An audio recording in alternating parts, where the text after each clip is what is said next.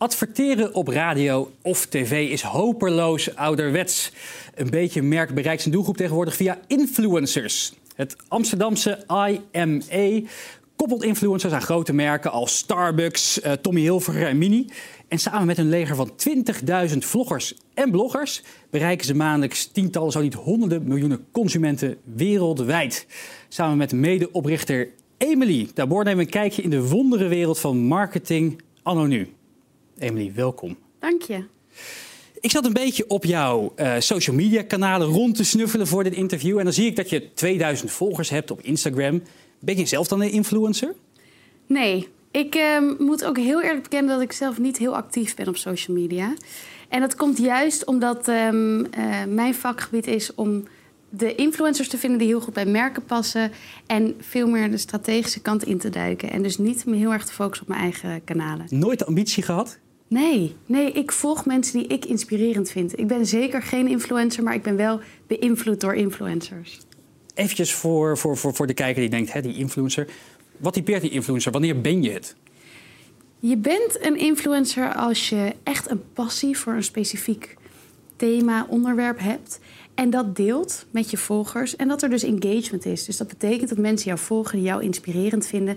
En dat er echt activiteit is. Als jij, wij noemen dat engagement rate. En dat houdt in als jij iets plaatst, hoeveel mensen liken dat, commenten, volgen, delen dat. Dus hoeveel activiteit is er echt op die content. Want ik heb bij, bij het woord influencer, en misschien is dat wel mijn, eh, mijn fout dat, ik heb zo'n beeld erbij, dat, dat, dan zie je zo Enzo Knol zie je in de supermarkt rondschokken. Uh, en, en dat zeggen we de hele dag een beetje in de camera uh, ja. verantwoorden. Ik vraag me dan echt af, wie, wie kijkt hier naar?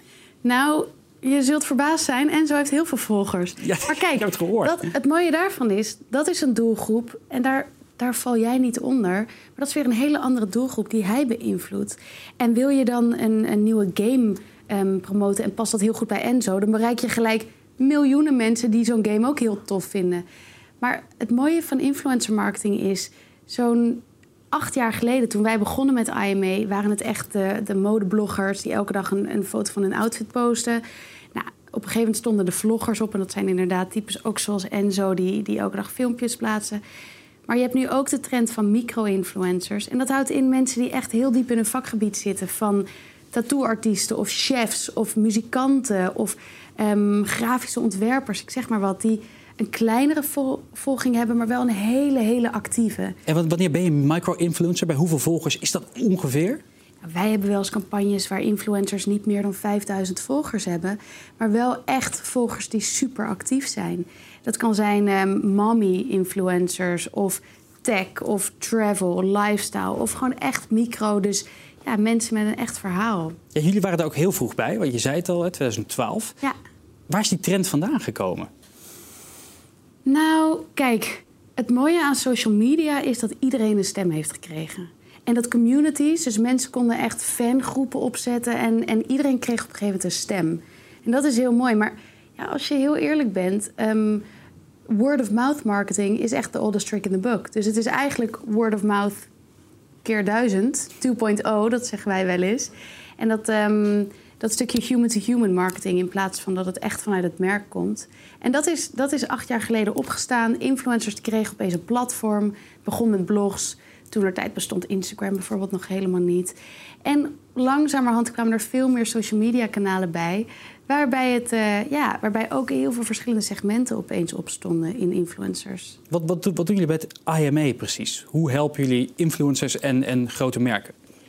Wij um, werken heel erg vanuit merkzijde. Dus dan zetten we een gesprek op met een merk en die zegt bijvoorbeeld: Nou, we willen een, een jongere doelgroep bereiken. Of we willen een nieuw merk introduceren of een nieuwe collectie. Of we willen um, gewoon bekender worden. We willen meer traffic naar onze pagina. Het kan van alles zijn. Op basis van die doelstellingen gaan wij een contentstrategie maken. Dus gaan wij echt een plan maken. En op basis van dat plan gaan wij de perfecte influencers erbij zoeken. Dan zoeken jullie gewoon cherrypicking in die branche, in die markt, met zoveel volgers. Ja, we hebben natuurlijk wel een platform ontwikkeld in huis. Dus echt een tool waar we al onze nu 25.000 influencers in huis vestigen. Ja, het groeit hard. Um, Want waar haal je al die mensen vandaan? Die benaderen inmiddels jullie zelf misschien wel? Ja, Ja, we krijgen dagelijks verzoeken en dan kijken wij of ze, of ze goed genoeg kwaliteit content maken, of ze echte volgers hebben natuurlijk, wat hun engagement ratio dus ook is. Daarop kan je dat meten. Ehm, wat voor segment. Dus we kijken dan in het platform en dan kijken we wie er perfect bij past. Maar we doen natuurlijk ook een stukje uit eigen ervaring. En wat, wat, wat kan je die influencers bieden? Heb je dan, eh, ze komen er bij jullie aan. Zeg je dan van, nou, we, we hebben werk voor je één keer in de maand? Of Nee. zeg je gewoon van, we komen, don't call us, we call you? Exactly. Het is, eh, het is een open platform. Dus we hebben niemand exclusief onder contract. Dus we zijn ook niemand iets verschuldigd. En dat hebben we omdat we ook gewoon heel open en transparant elke influencer voor onze merken, voor onze partners willen kunnen aanraden. Wij kijken heel goed of die influencer het merk al tof vindt. Of ze er al eerder over gepost hebben terwijl ze er misschien niet voor betaald werden. En dan gaan we dus kijken of het een goede match is. En dan hebben we al een strategie, maar dan gaan we met die influencer praten en kijken hoe dit heel goed bij hem of haar past en wat ze ermee zouden willen doen. En dan gaan we dat uitvoeren voor de klant. En we meten alles door en we, we produceren alles van A tot Z. Wat voor afspraken maak je met die mensen? Is dat over het aantal posts? Is het over het aantal engagement wat je krijgt op die, die plaatsingen die ze doen? Dus die reacties? Ja, dus eh, we hebben op contract echt, echt in contract staan hoeveel content ze gaan plaatsen. ehm, hoe hoog de engagement rate moet zijn, maar ook bijvoorbeeld sentiment. En daarnaast probeer je ze zo betrokken te laten voelen bij de campagne. En we maken er altijd een langdurige samenwerking van. Zodat ze meer echt merkambassadeur ook worden voor het merk. En dat ze veel meer gaan plaatsen dan wat er op papier zwart-wit staat. En je kan natuurlijk niet, het, het, het blijft gewoon social media. Dus je kan niet garanderen dat een post zoveel reacties krijgt of zoveel likes. Nee, maar anderzijds moet de contentstrategie moet heel goed zijn. Het moet echt een soort co-creatie met de influencer zijn. En wij moeten uitvoerend het werk heel goed doen. En dan Dus het is, het is niet zomaar dat je zegt van ik heb hier een foto van een nieuwe Leica-camera, ik, ik noem maar wat, hè. Plaats hem even en... eh, Nee. Nee. heb je een voorbeeld van, van wat wel werkt? Hoe, eh, Natuurlijk.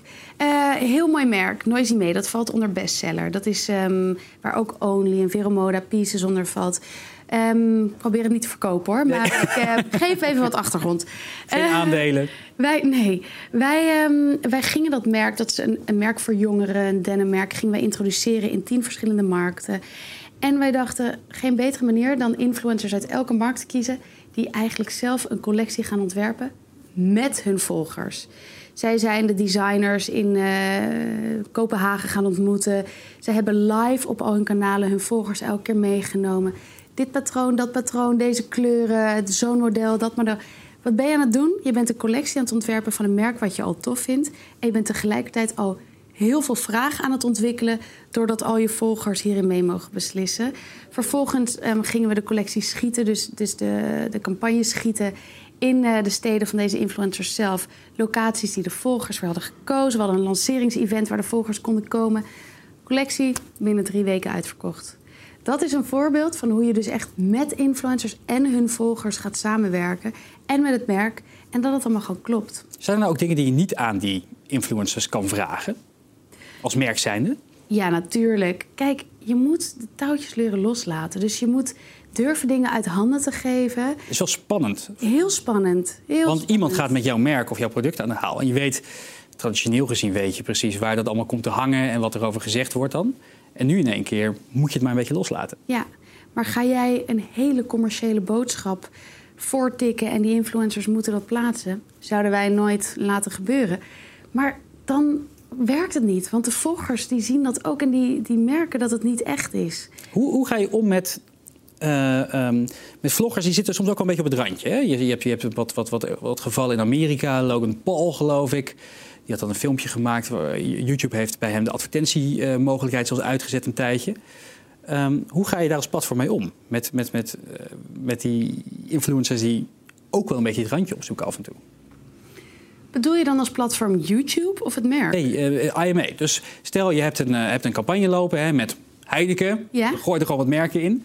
Eh, en een van die influencers die, die, die doet iets wat, waar mensen van zeggen... "Nou, ik weet niet of dat wel zo tof is. Nou, kijk, wij brieven. Buiten de campagne misschien, Ja. Wij brieven de influencer altijd van tevoren. wij zorgen dat de match helemaal klopt. En wij checken de content natuurlijk wel voordat het live gaat. Influencers moeten en mogen kritisch zijn. Mhm. Dat hoort er gewoon bij. Daarom zijn ze authentiek. Daarom kunnen mensen zich in hun identificeren. Daarom volgen mensen ze. Kan het echt niet wat ze plaatsen, dan zullen wij daar de stop op zetten. Maar Is het buiten de campagne precies. om misdragen deze influencers zich? Ja, wij, wij zijn niet hun directe managers. Dus Dat is waar. dat mogen ze gewoon kunnen doen. Maar het zou wel zo kunnen zijn dat een influencer iets doet wat echt niet meer past bij het merk waar ze later mee zouden gaan werken. En dan moeten wij die samenwerking stopzetten. Is het wel eens gebeurd dat je hebt gezegd tegen bepaalde groepen influencers van... nou ja, wij willen inmiddels niet meer met jullie samenwerken met voortschrijdend inzicht? Nou, we hebben wel eens gezegd, wij respecteren de keuze van wat je nu doet. Dit merk past niet zo goed meer bij je. Maar wellicht komt er een ander merk wat, wat wel lekker edgy is... en die, die die rebelse kant van jou nu juist kan waarderen. Je hebt, je hebt die influencers zijn een beetje de nieuwe tv-sterren geworden. Sommigen die hebben inderdaad miljoenen volgers op allerlei platformen. Ehm, heb je ook eens te maken met grote ego's van die mensen? Tuurlijk. Ja? Tuurlijk. Kijk, vergeet niet, influencers die ehm, zijn... Maar vind je, dat vind je dat leuk om daarmee om te gaan? Om dat, om dat daar een beetje tegen in te gaan? Ja, ja het, ehm, wij hebben een heel team in huis. Dat zijn de influencer managers. Ehm, die managen echt, echt de influencers op dagelijkse eh, orde. En het is soms wel ehm, ja, babysitten bijna. Het, is, het zijn allemaal creatieven die soms nog vrij jong zijn. Die niet, eh, heel- soms zijn ze niet heel professioneel. En dat is juist hun kracht. Maar dat is ook een uitdaging. En voor jullie weer een uitdaging om daarmee om te gaan. Exact. Je hebt inmiddels in dat 70 mensen op kantoor zitten, volgens Ja. mij. 17 nationaliteiten die, eh, die er werken. Ja. Ook kantoren in het buitenland. Ehm, hoe ga je om met, met, met, met cultuurverschil? Want misschien wil, komt, er, komt er een merk bij eh, die wil een, een, wereldwijde campagne draaien. Maar de uitingen die hier werken zullen in Mexico weer heel anders zijn. Ja, klopt. Ehm, het leuke daaraan is dat we inderdaad heel veel nationaliteiten in huis hebben... die we vaak ook bij de brainstorms conceptontwikkeling betrekken... om juist dit soort ehm, eh, ja, cultuurverschillen mee te nemen. We maken vaak een... Stel, we doen een campagne voor tien landen... dan maken we een global framework... maar dan rollen we hem lokaal uit. Dus dan maken we ook per land nog een, een lokale contentstrategie... die we samen met de influencers... Subselectie van influencers die daar actief zijn. Ja, en, en ook qua invulling. Hè? Dus het concept wordt ook aangepast per land. Een van de dingen die. eh, ik ga nog even kritisch zijn hoor, dus Mag. eh, eh, geen zorg.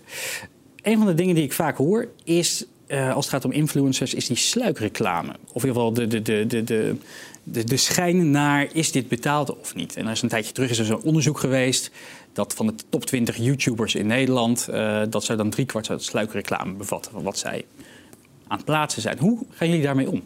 Wij ehm, eh, zorgen er altijd voor dat ze transparant zijn.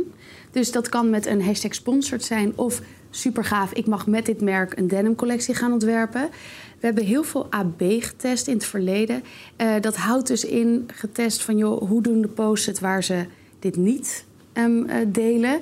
Gewoon hun eigen content en onze content. En engagement rate is, maakt geen verschil. Nee, Dus, maar het moet er wel altijd bij staan. Het moet erbij staan en als de strategie maar goed is. En als de selectie van de influencer en het merk, dus de koppeling maar goed is. Ja, snap ik. Maar het is natuurlijk ook vanuit de consument gedacht. Je wil uiteindelijk wel weten of iemand die ergens iets over vertelt, of die daar betaald voor heeft gekregen of niet. Denk ik. Ja, ja, klopt. Nou, in verschillende landen zijn verschillende wetgevingen.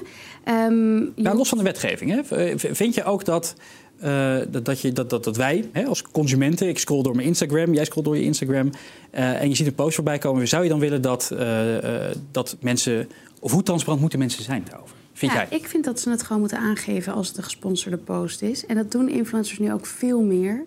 Ehm, want mensen weten, joh, dit is een influencer die ik tof vind. Ze schrijft over, ehm, over. Ze werkt met merken die ik ook leuk vind en die zij ook leuk zou vinden. Ze is authentiek en daarom volg ik haar. Ehm, en dat ze ervoor betaald krijgt, ja, het is ook gewoon haar baan. Dus dat mag gewoon, zolang ze maar kritisch is en nee zegt ehm, op verzoeken van merken die ze niet leuk vindt. En dan moet het allemaal geen verschil maken.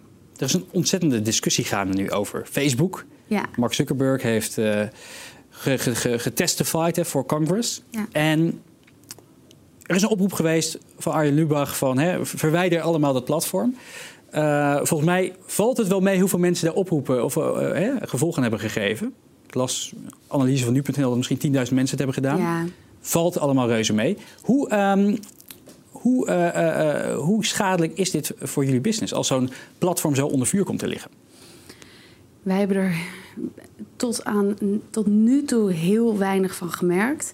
Ehm, en kijk, het mooie aan influencer marketing is, het zijn pioneers. Je kunt dankzij influencers ook als merk zijn altijd als eerste op een nieuw platform zijn, aanwezig zijn. Omdat influencers direct weer op nieuwe platformen springen, duiken, doen. Ja, gaat Facebook op een dag ten onder, wat ik niet denk dat gaat gebeuren, dan is er wel weer een ander social media platform waar ze wel op duiken. Joh, ik las gisteren een stuk in de krant dat Hives misschien weer opkomt. ja, Hives weer. Ja, nee, ja, elkaar weer krabbelen. Nooit. Ja, precies. Zou wel leuk zijn. Dus uh, ik denk dus eigenlijk dat Nederland het prima zou kunnen gebruiken dat huis erop staat. Kun je heel lokaal adverteren. Dat is waar. Nogmaals, geen aandelen. Nee. Maar, uh... Moeten we weer bij TMG zijn. Hoe, uh, wat voor platformen werken op dit moment goed voor jullie? Is dat Instagram, Instagram. YouTube? Ja, ja. Hoe zit Snapchat tegenwoordig? Want daar, dat was ooit een hele grote, grote belofte. En ik heb een beetje die beurskoers zitten kijken. Dat is een dalende ja. markt. Kijk, um, Instagram die heeft heel slim gehandeld. En die hebben Instagram Stories gelijk gelanceerd. Gekopieerd? Dus gekopieerd. Um, dus dat is ook live content. Instagram heeft video, Instagram heeft foto. Dus ze, ze hebben denk ik gewoon alle facetten gecombineerd. En um, daar heeft Snapchat wel uh, onder geleden. Snapchat groeit minder hard door. Um, is voor een wat jongere doelgroep. En Instagram is een hele combinatie van alle doelgroepen bijeen. Je hebt, je hebt in China heb je dan WeChat. Hè? Ja. En, en, en, en Alibaba heeft ook een soort van uh, chatsysteem. Denk je dat die platformen die daar heel populair zijn... ook nog hier naartoe gaan komen? Nou, ik denk het niet. Maar um, uh, Alibaba wordt natuurlijk hier wel gebruikt. Mm -hmm. Snapchat niet. Um, maar wat Snapchat heel slim doet... WeChat? Uh, WeChat, ja. sorry, excuses.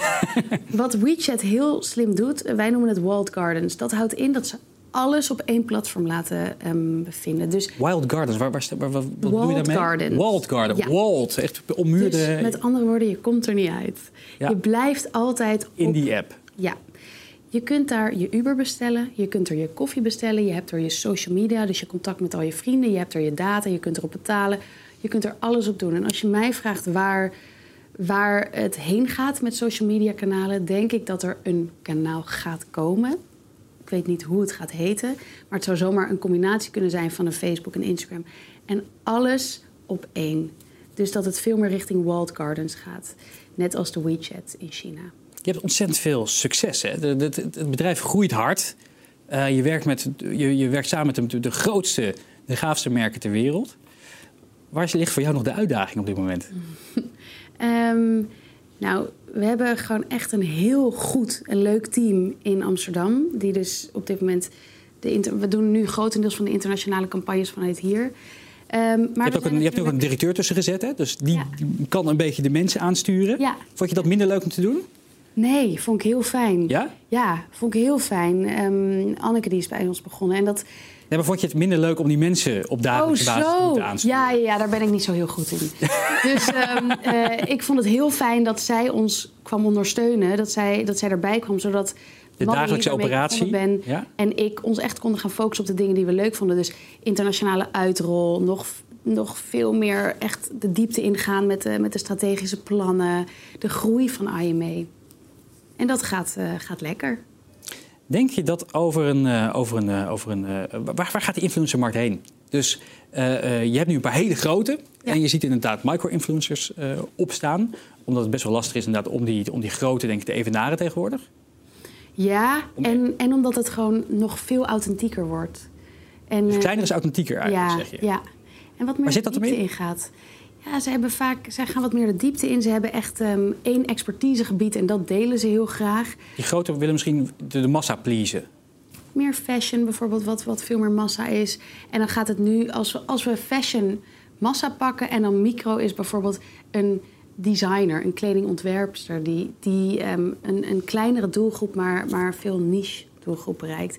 En het mooie is dat je echt alles door kunt meten en dat er veel meer communities op staan. Dus daar gaat het heen. Tot slot, uh, misschien zitten er wel een paar, uh, paar aspirant influencers tussen. Heb je nou eventjes uh, twee belangrijke don'ts? Wat moet je nou vooral niet doen als je, als je denkt van nou, ik wil graag vanuit mijn expertisegebied mensen, mensen beïnvloeden, inspireren? Ja, niet, um, niet te commercieel willen worden. Want dan gaat je engagement rate, je, je activiteitsratio dus heel hard omlaag. En dan, dan um, ben je het heel snel kwijt. En um, tweede is uh, ja, heel, heel dicht bij je volgers blijven. Als je echt, als je kijkt, als je ambitie is om BN'er te worden, dan, dan is het een ander verhaal. Maar wil je echt influencer worden, blijven en zijn, um, dan moet je dicht bij je volgers blijven en dicht bij je passie. Klinkt misschien heel cliché, maar het is gewoon wel zo. Mag ik je hartelijk danken voor, voor het gesprek en al je inzichten. Tuurlijk, dankjewel. En jullie bedankt voor het kijken naar een nieuwe aflevering van Seven Ditches. Wil je meer gave ondernemersverhalen horen, zoals die van Emily? Uh, schrijf je dan in voor onze nieuwsbrief. En volg ons op alle social media kanalen: Instagram, Facebook, you name it. Graag tot de volgende keer.